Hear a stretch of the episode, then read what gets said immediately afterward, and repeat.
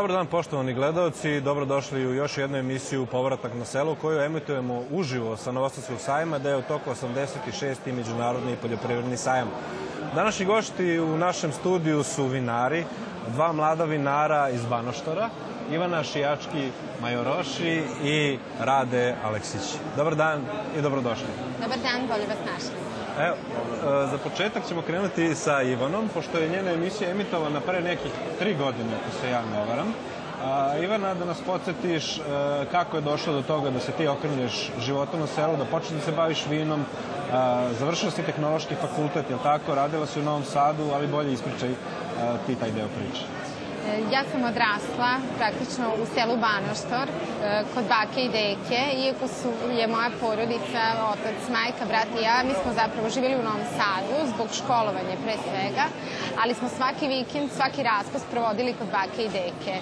A, raspust na selu podrazumeva da deca koja dođu kod bake i deke najčešće budu i uključena u poslove na selu, tako smo i mi sa njima išli u vinograd.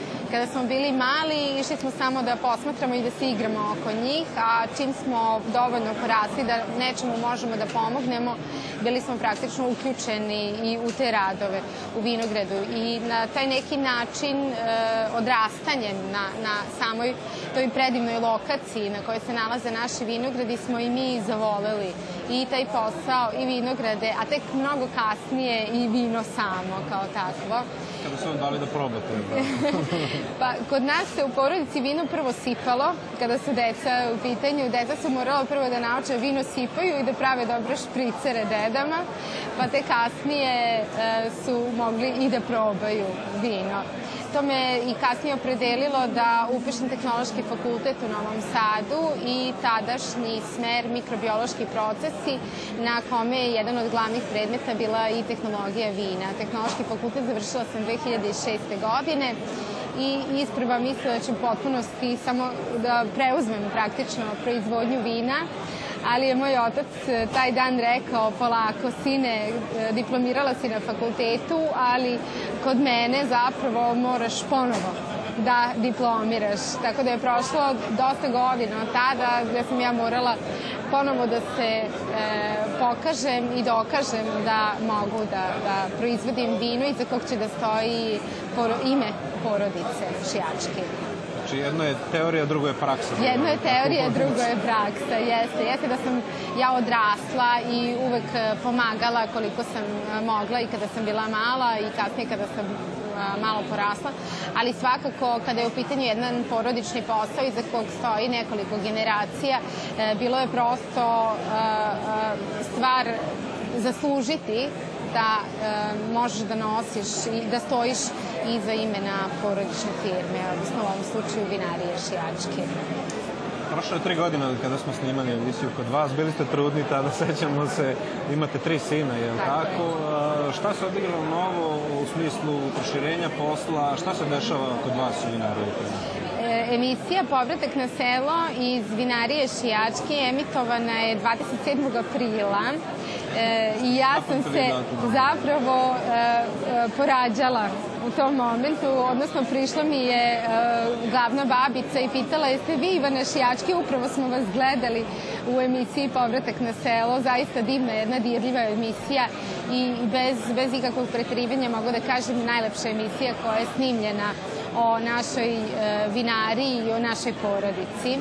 E, tada sam rodila drugog sina, a e, godinu i po dana posle toga i trećeg sina, tako da sada imam tri sina i e, čekam taj neki moment da još malo samo porastu i da mogu u potpunosti da se posvetim ponovo vinari. Naravno, koliko su mi mogućnosti dozvoljavale, ja sam tamo prisutna i učestvujem u svim poslovima meni je bilo važno da se e, posle svakog porođaja dovoljno oporavim da mogu da, da vodim berbu i proces prerade grožđa. Najkraći period bio je posle trećeg porođaja, već posle pet nedelja je počela berba i e, pretpostavljam da sam tek tada e, videla kolika je snaga i kolika je ljubav moja prema tom poslu. E, kada sam imala snage da izguram e, berbu od mesec dana sa bebom od mesec dana. E, proširili smo zasade svakako, e, proširili smo kapacitet same naše vinarije, zaista smo e, puno uložili, možda čak i najviše u poslednje tri godine nego za sve ovo vreme e, koje je prethodilo, e, jer imamo dobro tržište, e, imamo dob dobar proizvod koji možemo da plasiramo i to nam daje podstreka da se širimo i dalje. Oni neki sledeći planovi svakako su na poboljšanju same turističke ponude jer je to neka budućnost. Vinski turizam svakako predstavlja jedan od velikih, jedne, jednu od velikih mogućnosti napredovanja u poslovanju u Vojvodini i.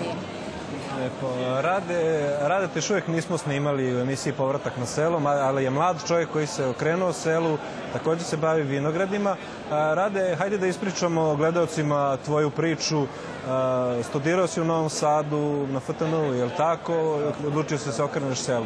Najbolje ti da ispričaš kako je. Srednju majsku školu u Novom Sadu, posle toga sam studirao na FTN-u i to je nekako, posle svega toga, pre, previše urbano bilo za mene i nekako sam svoju sreću našao neki 25 km od Novog Sada u selu Banaštar gde smo pre nekih 8 godina moj otac i ja podigli prve zasade vinograda. Posle toga ih tri godine gajili dok nije došao na prvi rod. Posle tri godine prva berba, prvo vino, i svakom sledećom berbom sam sve, sve čvršće bio vezan za, za, za selo i nikako mi se više nije vraćalo u grad, čak i oko neke te birokratije kada moram da odem, već mi to predstavlja sve veći problem. Ukolno sam se saživeo tamo.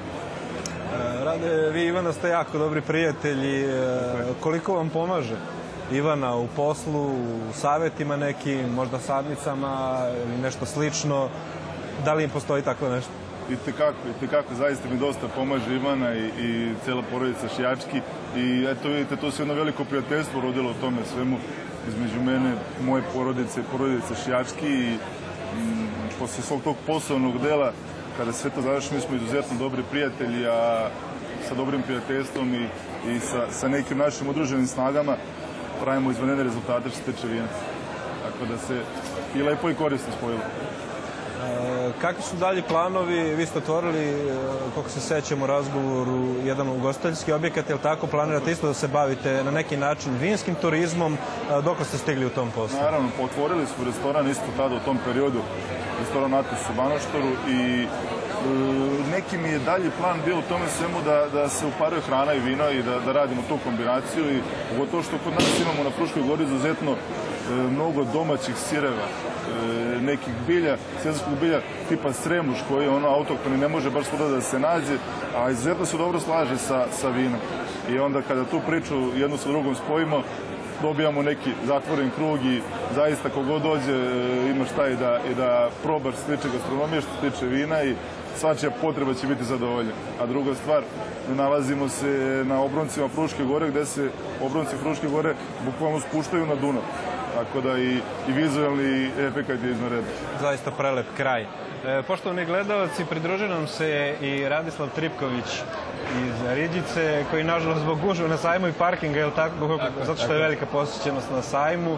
A, Radoslav je dobrodošli u naš studio. A, evo, Ivana i Rade su ukratko ispričali svoje priče, čisto da podsjetimo gledalce i vaša emisija ematovana prošle godine, a, da im ispričate kako je došlo do toga da ste se vi odlučili da se okrenete životu na selu, da počnete da se bavite uzgojom vinograda, pravljenjem vina i drugih stvari. Baš sva ova gužva i, i taj brzi tempo života odnosi naravno puno energije i, i, i snage, tako da smo se mi odlučili da se vratimo na selo. Sećate se iz prošle emisije koju smo radili da sam ja kupio kuću koja bi pripadala nekada mojoj porodici i uz svu snagu koju sam ja imao i taj entuzijazam i ljubav, žena mi se naravno priključila i deca su zavolela sve to. Uz, naravno, sve ovo ne bi išlo da, da se nije pojavio taj čarobni vinograd koji sam se ja zaljubio. Ljudi kažu, ti nisi lud kad si nam pričao da razgovaraš sa svojim vinogradom. Sad i oni počinju da razgovaraju s mojim vinogradom kad dođu. Tako da je to jedna predivna priča. Prvo što je Riđica na samom severu Vojvodine, poseban neki teroar, taj pesak koji nema nema ga baš na, na puno mesta. Crni pesak To je crni pesak i brown pesak, to je specifičan, ovaj, da kažeš, sklop crne zemlje sa peskom. Tako da sve to je učinilo da se mi vratimo na to selo i da krenemo po meni najdivniju stvar, najdivniji posao, to je uzgoj nekog novog života, uzgoj biljaka i na kraju da se napravi to božansko piće koje nazivamo vinom, tako. Jeste. Evo, kada smo se poslednji put videli pre godinu dana kada je emitovana emisija, šta ima novo kod vas? Da li ste proširili proizvodnju? Znam da ste u ono vreme još dobijali nagrade za svoje vina.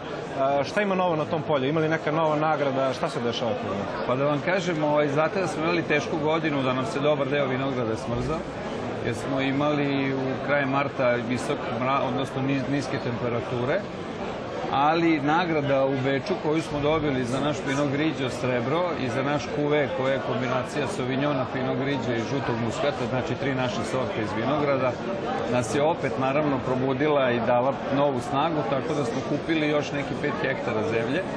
Ove godine smo podigli novi hektar, to je u pitanju Frankovka, i planiramo po sledeće godine, ne pošto je prestupna, ali ćemo, znači, 2000, da kažem, 21.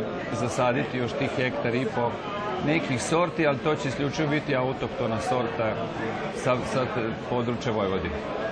Dobro, Ivana, kada smo kod autohtonih sorti, vi posledujete jednu posebnu sortu koju, koje pravite grožđe, to je seduše, tako ako se ne varam. A, koliko je zanimljiva ta sorta i kakvog je kvaliteta vina? te vrste grožđa? Seduša je stara sorta koja je bila potpunosti zaboravljena. Moj otac je uspeo iz jednog starog vinograda sa svega 52 čokota da uh, umnožavanjem dugotrajnim, nekih 12 godina, uh, dođe na svega pola hektara vinograda, ali dovoljno da možemo da proizvedemo uh, komercijalno vino. Jedna izuzetno neobična sorta E, koja e, je veoma krupna, veoma tanke pokožice i samim tim oni koji e, nešto malo bar znaju o samoj tehnologiji će znati da je izuzetno izazovna za proizvodnju vina. Mi smo uspeli velikim zalaganjem i velikim radom u samom vinogradu, redukcijom roda pre svega, da dobijemo vino koje je za nas zadovoljavajuće kvaliteta, ali ćemo se opet svakako truditi još više da još više doprinesemo na poboljšanju kvaliteta ovog vina jer je za nas seduša sorta koja će u budućnosti verovatno dominirati e, među našim crvenim vinima. Ovdje imate jedno zanimljivo pakovanje koje ste doneli. Da li je to deo jedne promocije, jednih novih ideja mladih ljudi koji su se okrenuli proizvodnji vina? Možete li nam reći šta to znači otprilike? Ovako je jako simpatično izgleda. Pa kada se pogleda jedan ovaj paket, on u potpunosti može da, da očara šta rade ljudi kad se vrate na selo. E, jedan deo toga jesu i naša vina, to su seduša i neoponta, a drugi deo su e, suveniri, odnosno magneti koje radi naša prijateljica iz majkine radionice i ona se vratila u Banoštor zapravo. Morat ćete i o njoj da napravite jedan prilog, tako je. Ali ceo taj paket zapravo predstavlja sa jedne strane uspomenu koju možete da ponesete sa sobom, a opet je na neki način i ima i upotrebnu vrednost i korisna je jer se u jednom paketu nalazi vino od seduše i magnet kućica Banoštor, zapravo predstavlja u potpunosti jednu uspomenu iz Banoštora, a drugi paketić predstavlja e, vino od Neoplante i sat koji predstavlja sat sa Petrovaradinske tvrđave koji je jedan od simbola grada Novog Sada, a Neoplante inače na latinskom i znači Novi Sad. Znači to je jedan paket koji možete da ponesete nekom bilo gde u beli svet, da se vidi da je nešto što je iz srca urađeno i ručno, ručno rađeno lep znak pažnje, definitivno. Hvala. Rada Ivana je pomenula tri sina koji, pretpostavljam, pomažu u poslu i već polako se uvode u posao koliko to mogu. Ti imaš čerkice u tri godine, tako. je li tako? A, da li imaš običaj da je povedeš u vinograd e, ili možda u proizvodnju vina, ne znam koliko ona može da shvati to, ali da li je raduje generalno da, da, da ide sa tobom, da malo te prati, da bude generalno tamo da posmatra kako to izgleda? Da, naravno i kako. Sad u proizvodnju vina to je malo za nju komplikovano, ne, ne može da shvati dete još to. Ona se zove Sonja, pomenuju ta. Ovaj, ali je interesantno jako taj deo oko vinograda. Pogotovo taj neki deo kada se na, na, na traktore nakači razraza mehanizacija koja nam pomaže u, u ovaj, obrade vinograda i onda je to izuzetno interesantno kako radi taj traktor i ta mehanizacija, kako funkcioniše i ovaj, taj deo recimo kada se radi defolijacija, kada se čupa lišće pre berbe, ovaj, interesantno izuzetno dođe unutra i da ono da to čupka sa nama i da vidim da vi prijavite kako što me izuzetno raduje. Znate. Bratislave, kada smo snimali vašu emisiju, imali smo priliku da vidimo da je to kod vas definitivno porodični posao. Vaša supruga je pomenula jednom da vas je iznenadila da svi zajedno odete, cela porodica da radite u vinogradu. Videli smo u emisiji kako vaša deca učestvuju u orezivanju vinograda. Koliko vam oni pomažu? Hajde da ispričamo našim gledalcima. Vidim da oni zaista to vole. Koliko je razvijena ta ljubav? Da. E, pošto je, mislim, supruga imamo troje dece, sad su oni, da kažem, već odrasli, stvarno mogu ozbiljno da pomognu. Devojčice, još uvek tako, kao što kažem, bez ove se velikih nazivamo, ovaj, dolaze sa nama, obavezno vežu vinograd, a najmlađi Ognjen, on je uključen u sve poslove, dovede naravno svoje drugare i hvali se time što i on nešto zna više naravno u svemu, tomu. Tako da mi tu svu ljubav koju mi imamo prenosimo na njih, ali ih ne opterećujemo. Znači da rade onoliko koliko oni mogu i šta je njima interesantno. Naravno da im je najinteresantnije kad se radi neko, da kažem, neka, neko vezivanje ili naravno berba, kad je, to je onda poseban spektakl gde se onda zovu svi drugari, drugarice. Znači mi u stvari širimo tu neku kulturu i ljubav prema tom vinogradu i prema tom vinu, jer naravno mi im napravimo onda sok, onda oni uživaju u tom neko, kako se to slatko kaže, šira, ili tako, uz ograničene količine. Tako da, stvarno nam puno pomažu i trudimo se da drugu, drugu decu edukujemo, znači njihovo odelenja smo zvali kod nas u Vinograd, nikad se ne zna da li će to neko stvarno da zavoli pa sutra time da se bavi. Ja bih voleo čak i neko odelenje da se, da se napravi ogledno u Riđici, u osnovnoj školi, pa da deca bar imaju osnovno obrazovanje što se tiče vinogradarstva i voćarstva koje je tamo sad izuzetno već rasprostavljeno. Ne znam da li znate, to nismo spomenuli, da je Grof Kovač imao 230 hektara vinograda u Riđici. Sada smo naši e, dokumenti, uče smo imali neku emisiju u Somboru, 331 hektar je bio uh, e, 1890. godine u Riđici, što znači da postoje mogućnosti da se, da se to ponovo vrti i da ljubav taj posao da imaju već, eto da kažem, završen biznis i neku ljubav prema selu i prema, prema tom poslu. Kakva su naša, vaša nadanja po pitanju vaše dece? Da li bi volili da jednog dana nastave posao kojim se vi bavite? Svako treba završiti škole, pružiti im neki izbor.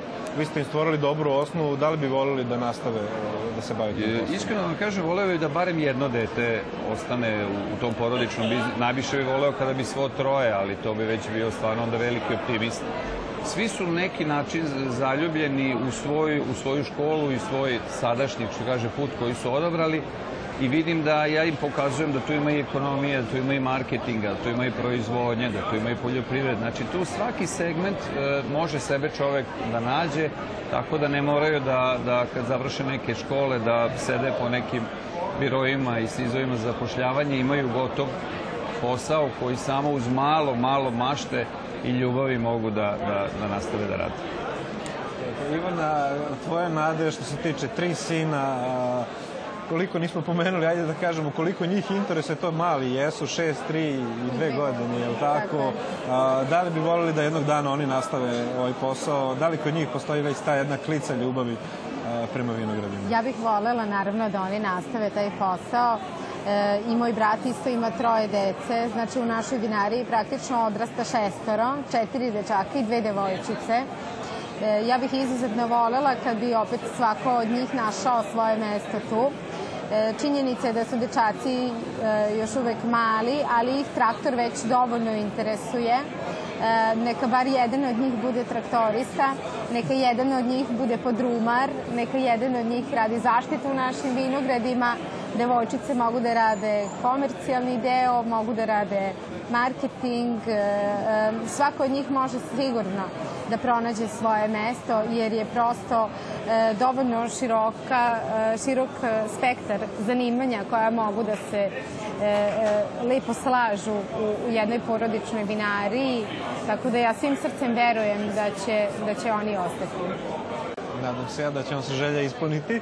A, rade, vaša poruka kao mlad čovjek, okrenuli ste se selo, vaša poruka drugim mladim ljudima, stalno volimo da ističemo to, a, šta je mislite da je potrebno da bi se mladi zadržali na selu, da bi se vratili na selo, da bi počeli da se bave nekim poslom, koliko je tu potrebno ljubavi, rada, truda, Pa vidite, ovako selo u svakom slučaju ima sigurno sve što je potrebno. Mladom čoveku je sada samo je njegovo da se on u tome svemu nađe, da on e, možda i proba par stvari, da vidi da mm, ima tu i ima i tu nas koji bi rado pomogli, gde može da dođe da, da vidi da kako to izgleda iz prve ruke, pa da izabere šta mu najviše odgovara, i te kako ima stvari koje selo nudi ovaj, i neće niko da pogreši sigurno ako se vrati. Jer druga stvar, i to dodastanje dece kako sam dobio, kako sam dobio ćerkicu, puno mi je, puno mi više znači kada je ona odrasta u prirodi i na selu u tom nekom zdravijem okruženju nego kad je na, na, na što kaže, na asfaltu i u gradu i, i zbog nje, i zbog dece, i zbog nas. Jednostavno je, e, psihički smo dosta rasterećeni, fizički smo umorni, što je odličan recept za, za dug i zdrav život. Upravo tako. Radi se vam vaša neka poruka e, za mlade ljude, a i ostalom za sve ljude koji bi možda želeli da zamene život u gradu. Svi govore ili kako je lepo kad se ode na selo, da. ali je teško odlučiti se na taj korak. E, šta je po vama potrebno da bi čovjek se odlučio na takav korak? Ja mogu da poručim svima, ne samo mladim ljudima, nemojte čekati da vam se nešto desi. Uzmite stvar u svoje ruke. Niko od nas nije krenuo sa nekim ogromnim kapitalom, pa smo mi odjednom došli tu gde jesmo krenite, uzmite život u svoje ruke i počite da se bavite svojim životom. Život na selu nema nikakvih mana. Tehnika je napredovala. Ko ima automobil može da funkcioniše gde go postoje u gradovi gde možete odete da pogledate vale, da odete pogledate pozorište, ako ga nema u selu, što naravno ga nema. Znači, još jednom kažem, bavite se svojim mladi ljudi, svojim životom, uzmite stvar u svoje ruke. Nemojte da čekate država, klima, atmosferske promene, svet. Bavite se svojim životom, jer vreme brzo prođe. Ivana, vaša neka poruka za Kako ja sad nešto još da, da kažem, pored svih ovakvih poruka, ja sam prosto ostala bez teksta. Ne bih ništa dodali? Ništa ne bih dodavala, samo bih potvrdila sve ono što su i, i druga dva gosta već, već rekla. Dobro, vi ste svi vašim primjerom pokazali i dokazali da čovjek koji veruje nešto, nešto čvrsto, da u tome definitivno može uspeti. Ja vam želim e, puno uspeha u vašem daljem radu. E, približava se polako kraj naše emisije. E, hvala vam puno što ste bili naši gosti, moji gosti. Meni uvek zadovoljstvo ponovo vas videti. Tako da, hvala vam još jedan put. E, poštovani gledalci, to je bilo sve za danas. E, ostanite uz program Radio Televizije Vojvodine i želimo vam prijatan ostatak dana.